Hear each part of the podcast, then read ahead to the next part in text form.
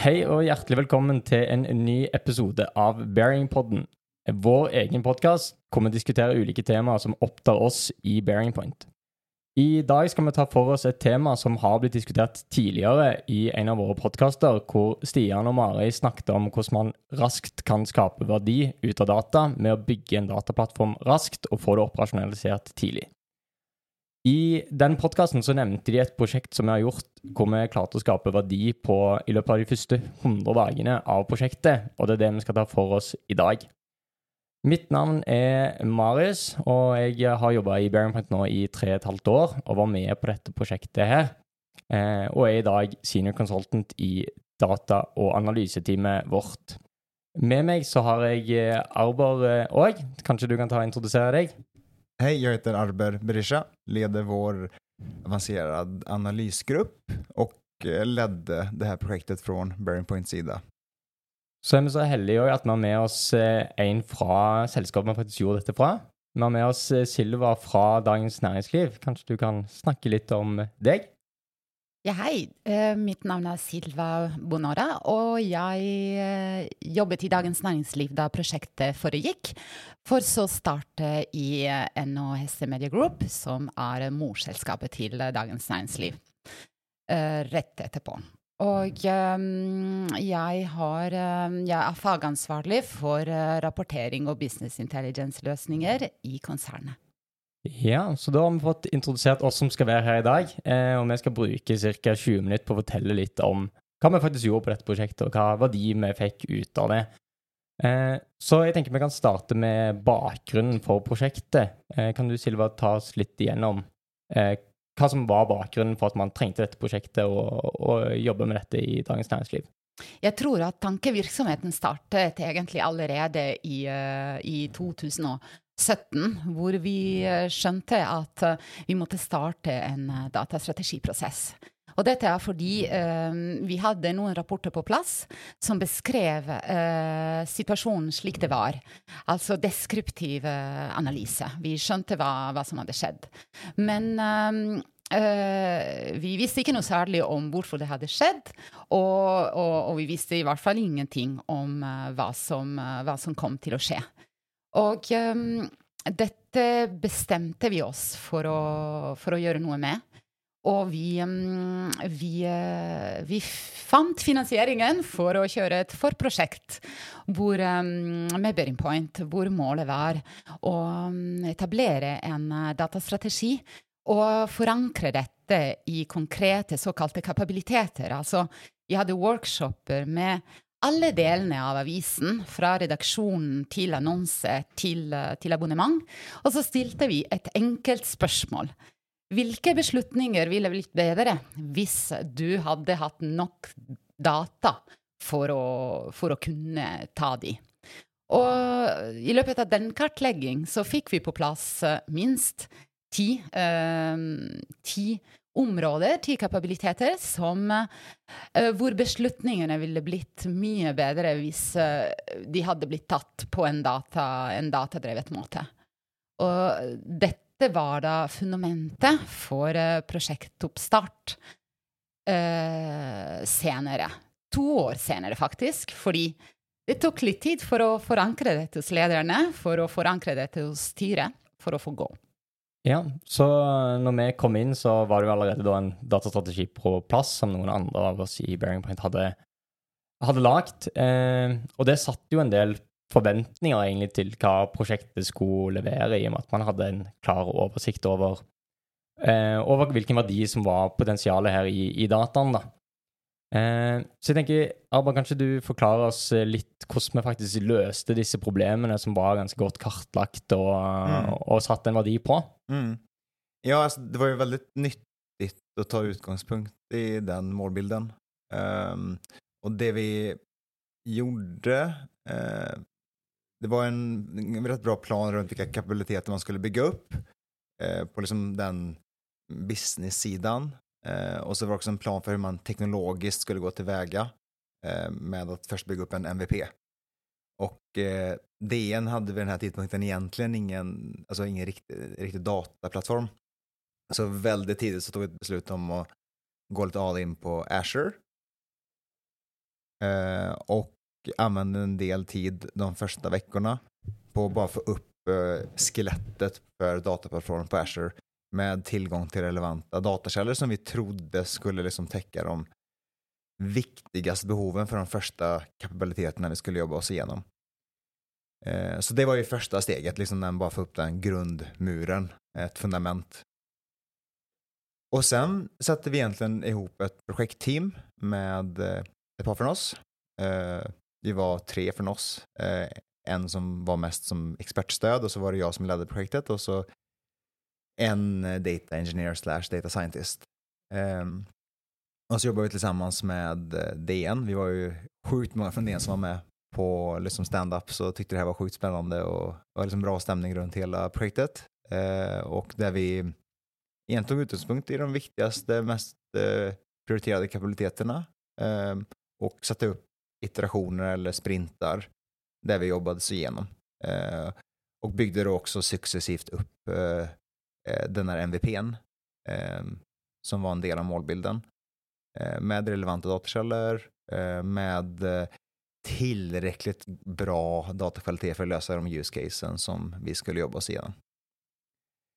Eh, så väldigt bumpy ride, kanske de första två, eh, två, tre iterationerna och så efter en stund så börjar ju saker sätta sig både eh, tekniskt, alltså att eh, eh, dataplattformen både funkade och hade relevant information men också eh, liksom rent organisatoriskt och processmässigt att man visste liksom cirka vad man kan förvänta sig, eh, vilken insats som krävdes från vår sida, från DNs sida.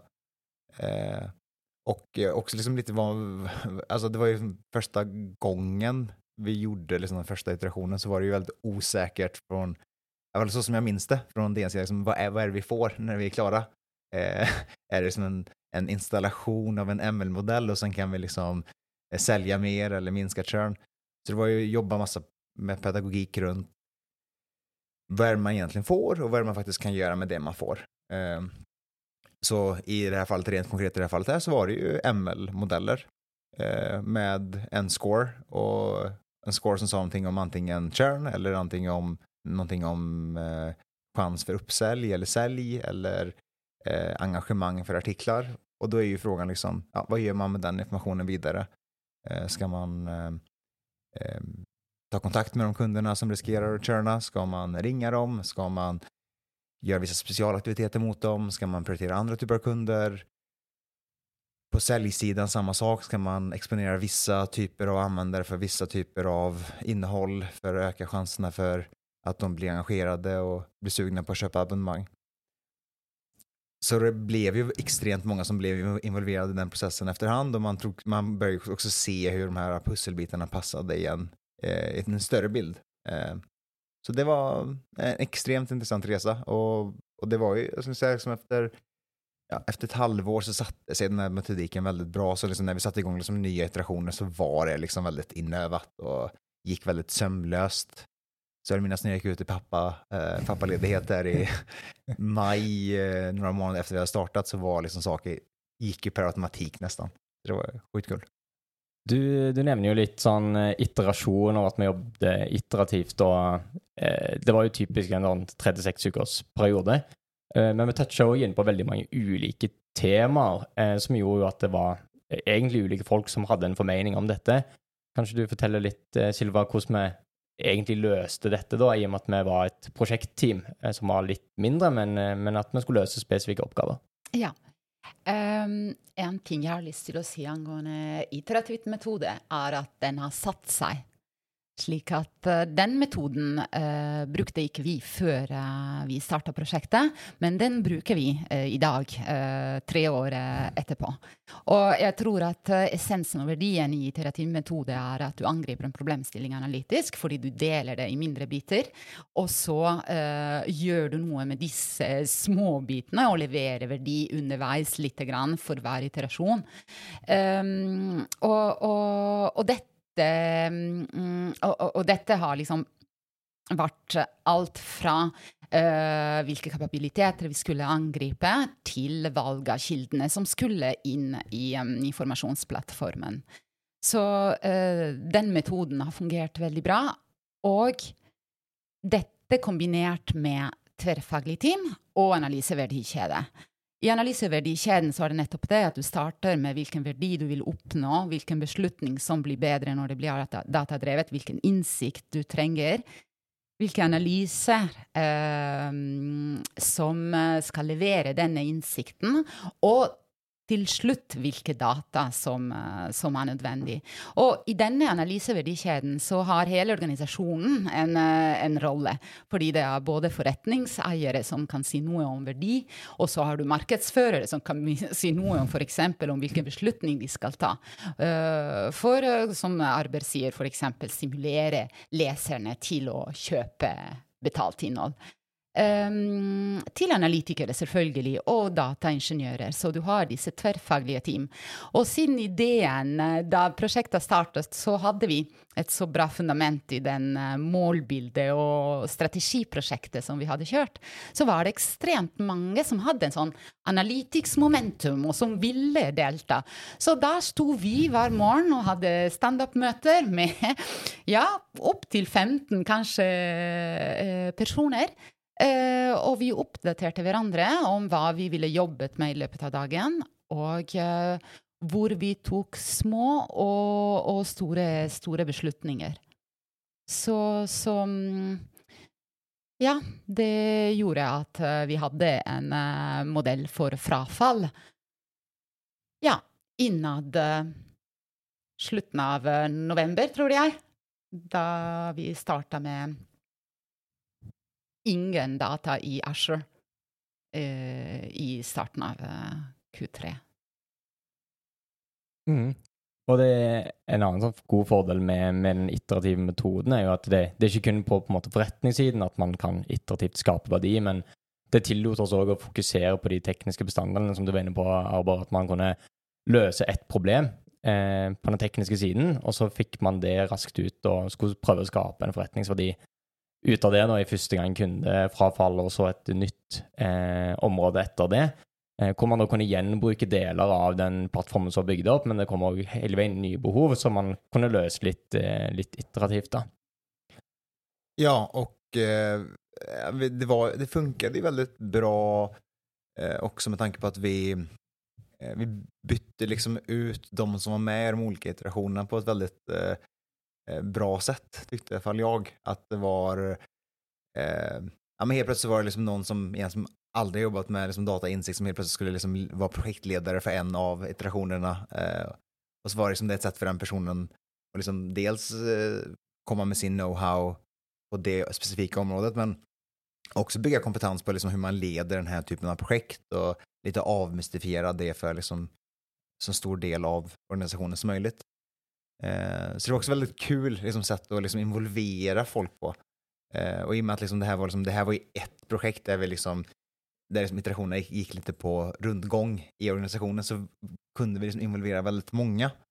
Eh, så det, det är ju kanske inte alltid, alltså, många andra kanske har liksom ännu, liksom, ännu mer datainsiktsbehov och på så sätt liksom, kör liksom många parallella löp, men här var det liksom ett datainsiktsprojekt och, och liksom, den där liksom, kärngruppen som vi var vi var ju med hela vägen och så, var det liksom, så bytte vi liksom ut folk eh, under vägens gång.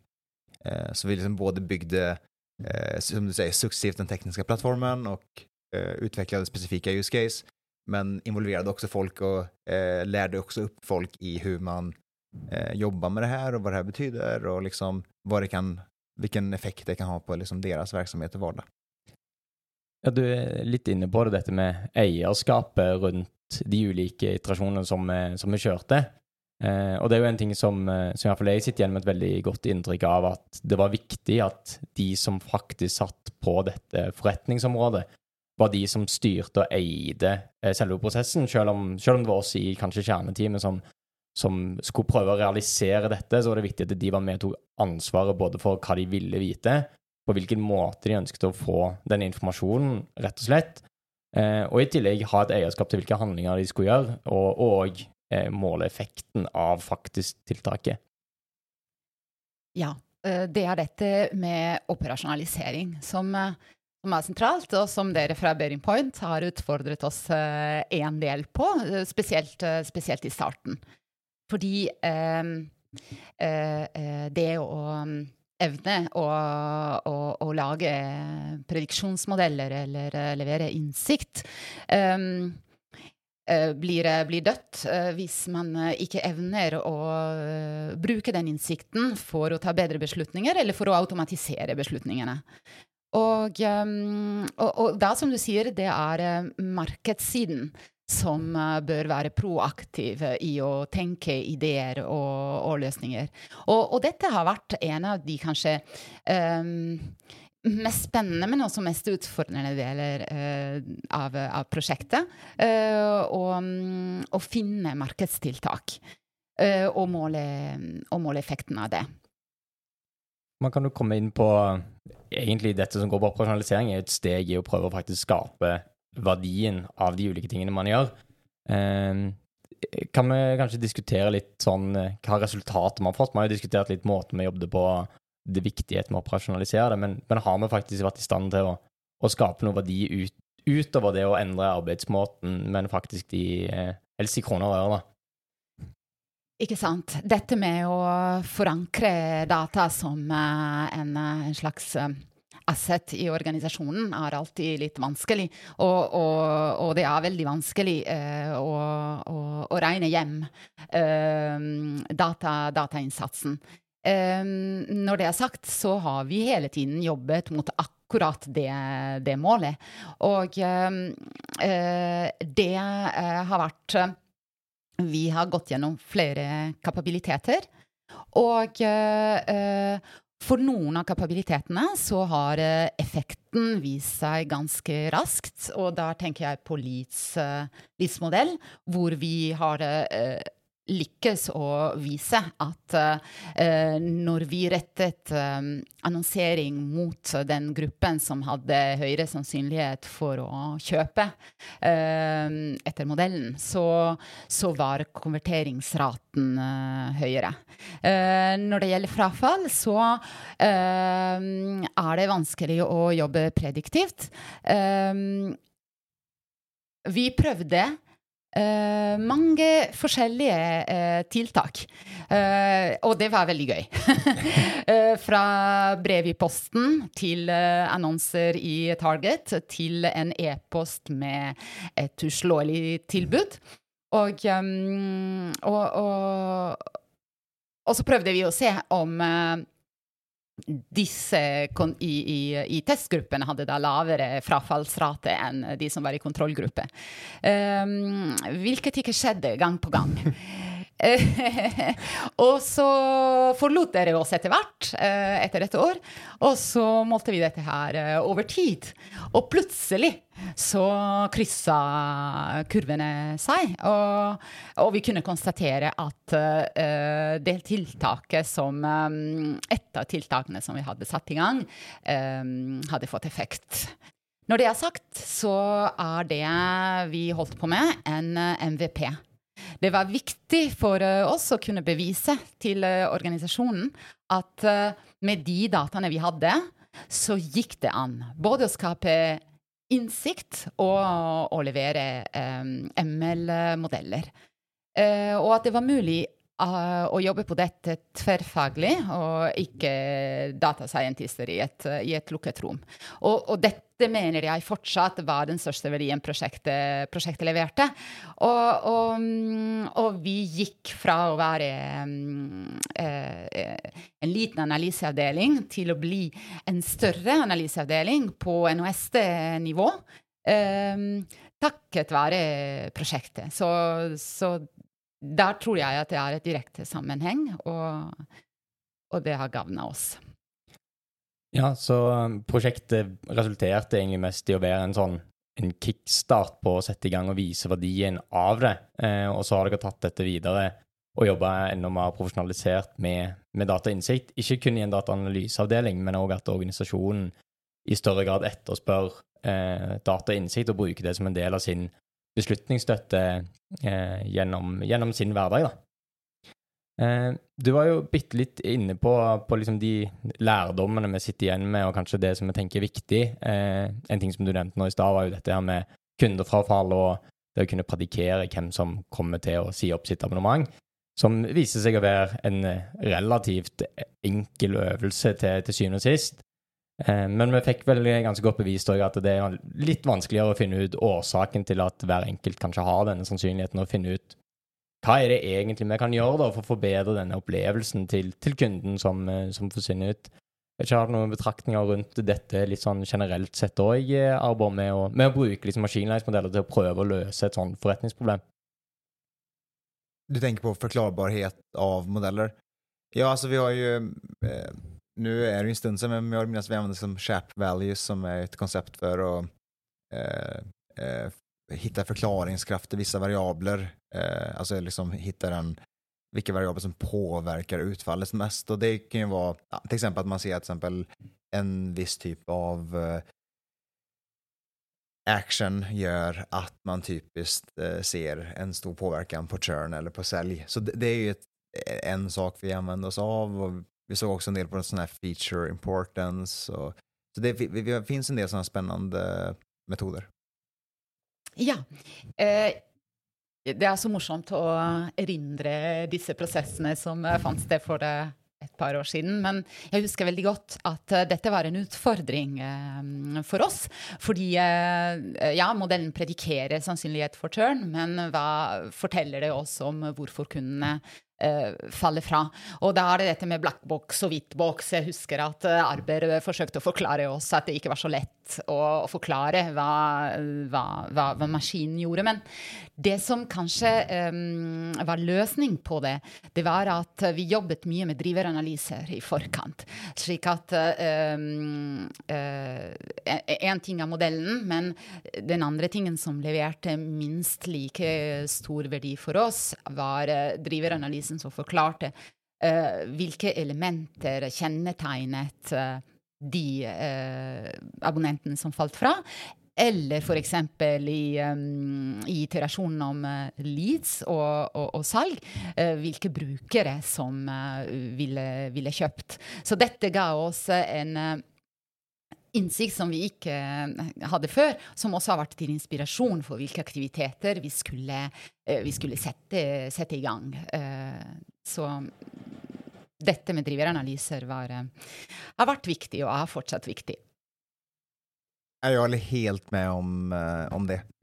Driveranalyser og den typen av hva man kaller one-off engångsanalyser er også ekstremt viktig. Man glemmer liksom litt, litt bort det her. Man vill liksom ofte liksom, eh, göra någonting väldigt fancy och gärna ha en modell och gärna att den ska vara automatisk och gärna att den ska vara nere på kundnivå eller artikelnivå eller vad det kan vara. Liksom. Men eh, väldigt ofta så är det väldigt mycket att hämta hem på att bara ta tag i de stora extremt uppenbara sakerna man kan göra. Att det är liksom en viss typ av kunder som vill ha en, som exempel av en viss typ av artiklar eller eh, att det är vissa saker i köpflödet som är ineffektiva eller osmidiga. Alltså, det är mycket sånt man kan hitta genom bara liksom, eh, jag säger bara för att det är ofta liksom kanske det första du gör när du liksom får upp ett sånt datasätt egentligen, att se på liksom, okay, vad är det för mönster jag ser här på väldigt aggregerad nivå. Och så kan man bryta ner det och, det kanske egentligen först när man liksom skördat frukten av det arbetet man kanske kan börja gå vidare till liksom bygga en modell och så att säga automatisera. Jag tror många liksom vill komma till skott och automatisera så mycket som möjligt, så fort som möjligt, men det, det, det är liksom dels mer komplext och kanske eh, inte lika enkelt att visa effekt av. Så det er kanskje sånn oppsummert at det, dersom du kan løse et problem eh, på en enkel måte, så er kanskje det det lureste, og ikke nødvendigvis gå for det som er mest avansert og fancy, og som høres eh, bra ut, men eh, er du i stand til å forstå mm. problemet på en annen måte enn å bruke blackbox-modeller som, som, kanskje gir deg noe output om, mm. om hvem, så sier den litt lite om hva som egentlig er årsaken. Så hvis man kan finne liksom gode måter å gjøre disse analysene på, eller kombinere de to innsiktene, så er, så det er en veldig verdifull ting, da. Mm. Men det er liksom, jeg tenker liksom, even om du Säg att du, har, du vet massa saker om dig själv och vad du gör i din vardag. Alltså hur du tränar, hur du äter, hur du sover och allt det där. Så är liksom eh, mycket sån information. Vad gör du med den informationen när du har den? Alltså det är liksom, okay, ja, du, visst vet du om att du tycker mest om att träna på lördag förmiddag? Vad betyder den? Liksom, vad gör, okej, okay, okay, det var bra att veta liksom. Eh, spännande. Men ändrar det liksom vad du gör, om du tränar mer eller mindre?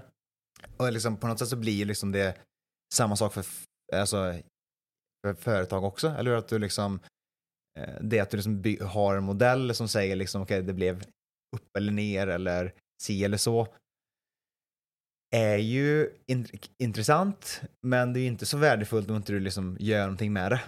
Uh, och då kan det faktiskt ofta vara liksom bättre att bara veta, okej, det är faktiskt inte bra att äta chips varje dag, som en tumregel. Eller att det är liksom inte, du kanske inte bör dricka öl varje dag liksom. Att det är liksom saker på insikt på den nivån kan vara liksom minst lika nyttiga, om inte nyttigare, än att säga liksom just den här minuten så borde du gå och lägga dig för att det är faktiskt det bästa för dig. För det är kanske dels en insikt som, det kanske är sant, men det är kanske är den typen av insikt som egentligen inte är actionable för att man liksom inte litar på den, man kanske tycker att den är onödig, man kanske tänker att den är fel eller vad det kan vara liksom. Ja, vi sitter jo igjen med ganske mange lærdommer fra dette prosjektet, og det var en veldig fin reise med veldig positivt engasjement, om jeg skulle få, få si det sjøl. Jeg syns iallfall det var en veldig fin tid. Eh, men alltid når man gjør et prosjekt, så, så kan man jo se tilbake på det og så tenke liksom at man kunne gjort noe annerledes med det man eh, vet i dag.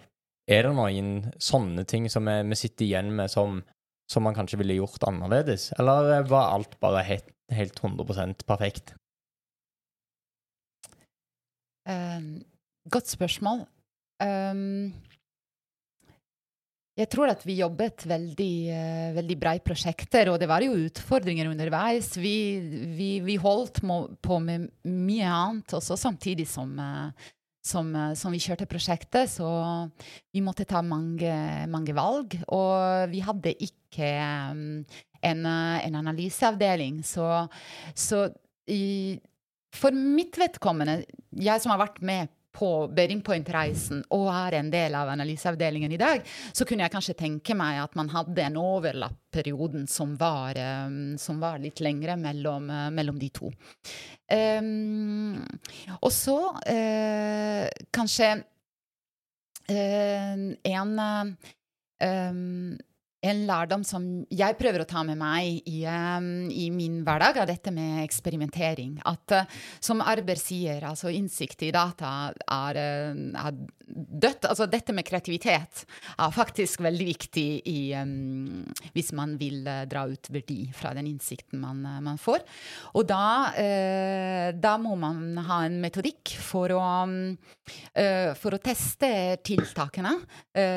og ja, og gå over til, til, neste tiltak og neste, neste, tiltak man tester. Så dette med å hele tiden eh, teste beslutninger eh, er noe som eh, Ja, vi gjorde det i prosjektet.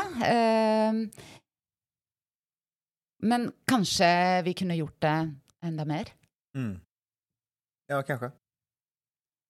En annen sak som jeg tror jeg hadde gjort mer av om vi hadde gjort om prosjektet i dag, det, og det er jeg usikker på om det hadde vært liksom doable overhodet, men eh, det är att liksom använda ännu mer tid på den där pedagogiska delen av liksom vad är det här? Alltså när du går in i en organisation som kanske inte har jobbat så mycket med det här tidigare, alltså vad är det man får ut, vad är det det betyder, eh, hur liksom passar de olika delarna in i liksom existerande processer. Det hade nog använt mycket mer tid på i alla fall. Eh, jag liksom, det slog mig liksom att när man liksom, ja, men efter några veckor så var det ju så att liksom, när folk fattade så var det så ah okej, det är det man får liksom. Och då liksom, när man kom, kom över liksom den punkten så var liksom allting mycket enklare. För fram till dess så var det så här, men, ja, men hur, exakt hur många, hur datatabeller får vi? Hur mycket hur mycket sån här kompabilitet får vi? Hur mycket sånn här får vi? Det så mycket fokus på liksom vad man får från sådana här som, vilket är, eh, det är inte fel att liksom undra det, men som man, vi har varit inne på så är det ju en iterativ processer där man ska experimentera. Så verkligen så här, förklara liksom den processen, vad det betyder och varför man inte kan förhand kan säga om någonting kommer funka eller inte funka eller om det blir en eller två eller tre tabeller eller en eller två modeller eller ingen modell alls. Alltså att liksom eh, använda en del tid på det och liksom eh, det hade jag använt en del tid på. Eh, och en annan sak eh, som är besläktad med det är um, som vi varit inne på är det här liksom med att beskriva vilka actions man tar baserat på insikten. eh, sätter ju en del ansvar hos dem som liksom äger de här businessområdena. Att liksom, ja men er är det mail, är det telefon, är det liksom, till, alltså är det liksom an- anpassa hemsidan, är det liksom, ja, eh, vad det nu kan vara för actions. Och i alla fall jag minns liksom lite i början så blev det så att liksom, vi är så ja men har ni kommit på någonting nu? Har ni, vad, har ni någon plan vad vi gör? Och liksom, kanske den processen borde varit liksom ännu mer integrerad. Vi kunde liksom hjälpt dem tidigare, liksom få upp den här kreativiteten och en positiv grej runt det. Att liksom inte så här, okej nu är vi klara med modellen, har ni tänkt klart på er sida? Att det liksom snarare blir liksom att man liksom, alla är med från starten och att man tänker runt de där liksom, eh, vad är utfallsrummet, vad är det för liksom actions man kan ta och ha en positiv grej runt det. Det, det är inte som, i alla fall, typ, i alla fall första två iterationerna så blev det kanske lite mer som, då skulle det vara en leverans från liksom eh, de ansvariga på den sidan. Okej, nu skulle de komma med en lista på liksom vad de trodde för action, så skulle man liksom jobba sig igenom den. Vilket säkert var rätt, men det var liksom lite sekventiellt och det, det tror jag man kunde ju ha- haft mycket mer som en integrerad del av den här iterativa processen. Och mycket mer liksom positiv stämning runt det då. Eh, Ja. Og det er den der eh, læring i organisasjonen også som har skjedd. Slik at eh, det, dette var nytt, og, og på markedssiden så var man heller ikke vant til å måtte ta så mange beslutninger i løpet av prosessen. Men uh, dette ble, uh, tror jeg, mye bedre som, uh, som tiden gikk. Og man eh, prøvde å bruke kreativiteten i å tenke tiltak eh, som var eh, innsiktsbaserte. Og dette toppa seg sikkert da Marius eh, lagde leseprofilanalysen, hvor, eh, hvor eh, prosjektleder for redaksjonen var eh, veldig Um, veldig engasjert og var veldig flink til å formidle funnene uh, til redaksjonen. Og, og dannet kanskje eh, grunnlag for det å jobbe målgruppebasert, som også har blitt en pilar i strategien. Jeg tenker kanskje vi kan begynne å komme med en liten sånn oppsummering av det som vi har snakket om her. Eh, det vi egentlig har gått igjennom i dag, for å si det litt sånn kort, det er jo at det er, det er fullt mulig å få skapt verdi ut av data ganske fort. Eh, gjennom å jobbe iterativt både med å modne eh, hele organisasjonen på å jobbe med det, men òg jobbe iterativt med å implementere ting teknisk og ha fokuset på at man alltid har en handling knytta til de spørsmålene vi egentlig ønsker å få svaret på, og kunne jobbe eksperimentelt med det og, og se verdien av det man skaper. Eh, og så sitter man jo kanskje igjen med et inntrykk av at det, der man på en måte kommer lengst med å jobbe på den måten veldig fort, det er jo det å, å jobbe på denne måten og lage et veldig godt fundament for at en organisasjon kan jobbe med dette, og så kan man etter hvert eh, profesjonalisere alt det som er på, på datainnsikt og sånne ting. Men det å jobbe i to år med å bygge en, eh, en plattform for å så begynne å tenke på hvilke spørsmål man egentlig ønsker å svare på, er en utfordring, og dermed òg bra å kanskje ha en eh, datastrategi på, på plass og et målbilde man jobber felles mot. Er det noen andre punkter dere tenker vi burde legge til der, eller? Det var en veldig bra sammenfatning av det, Morris. Ja, så bra. Da håper jeg at dere har syntes det var kjekt å høre litt på et eh, litt mer konkret case rundt et tema som vi har snakka litt om før. Så eh, takk for oss, tenker jeg. Tack.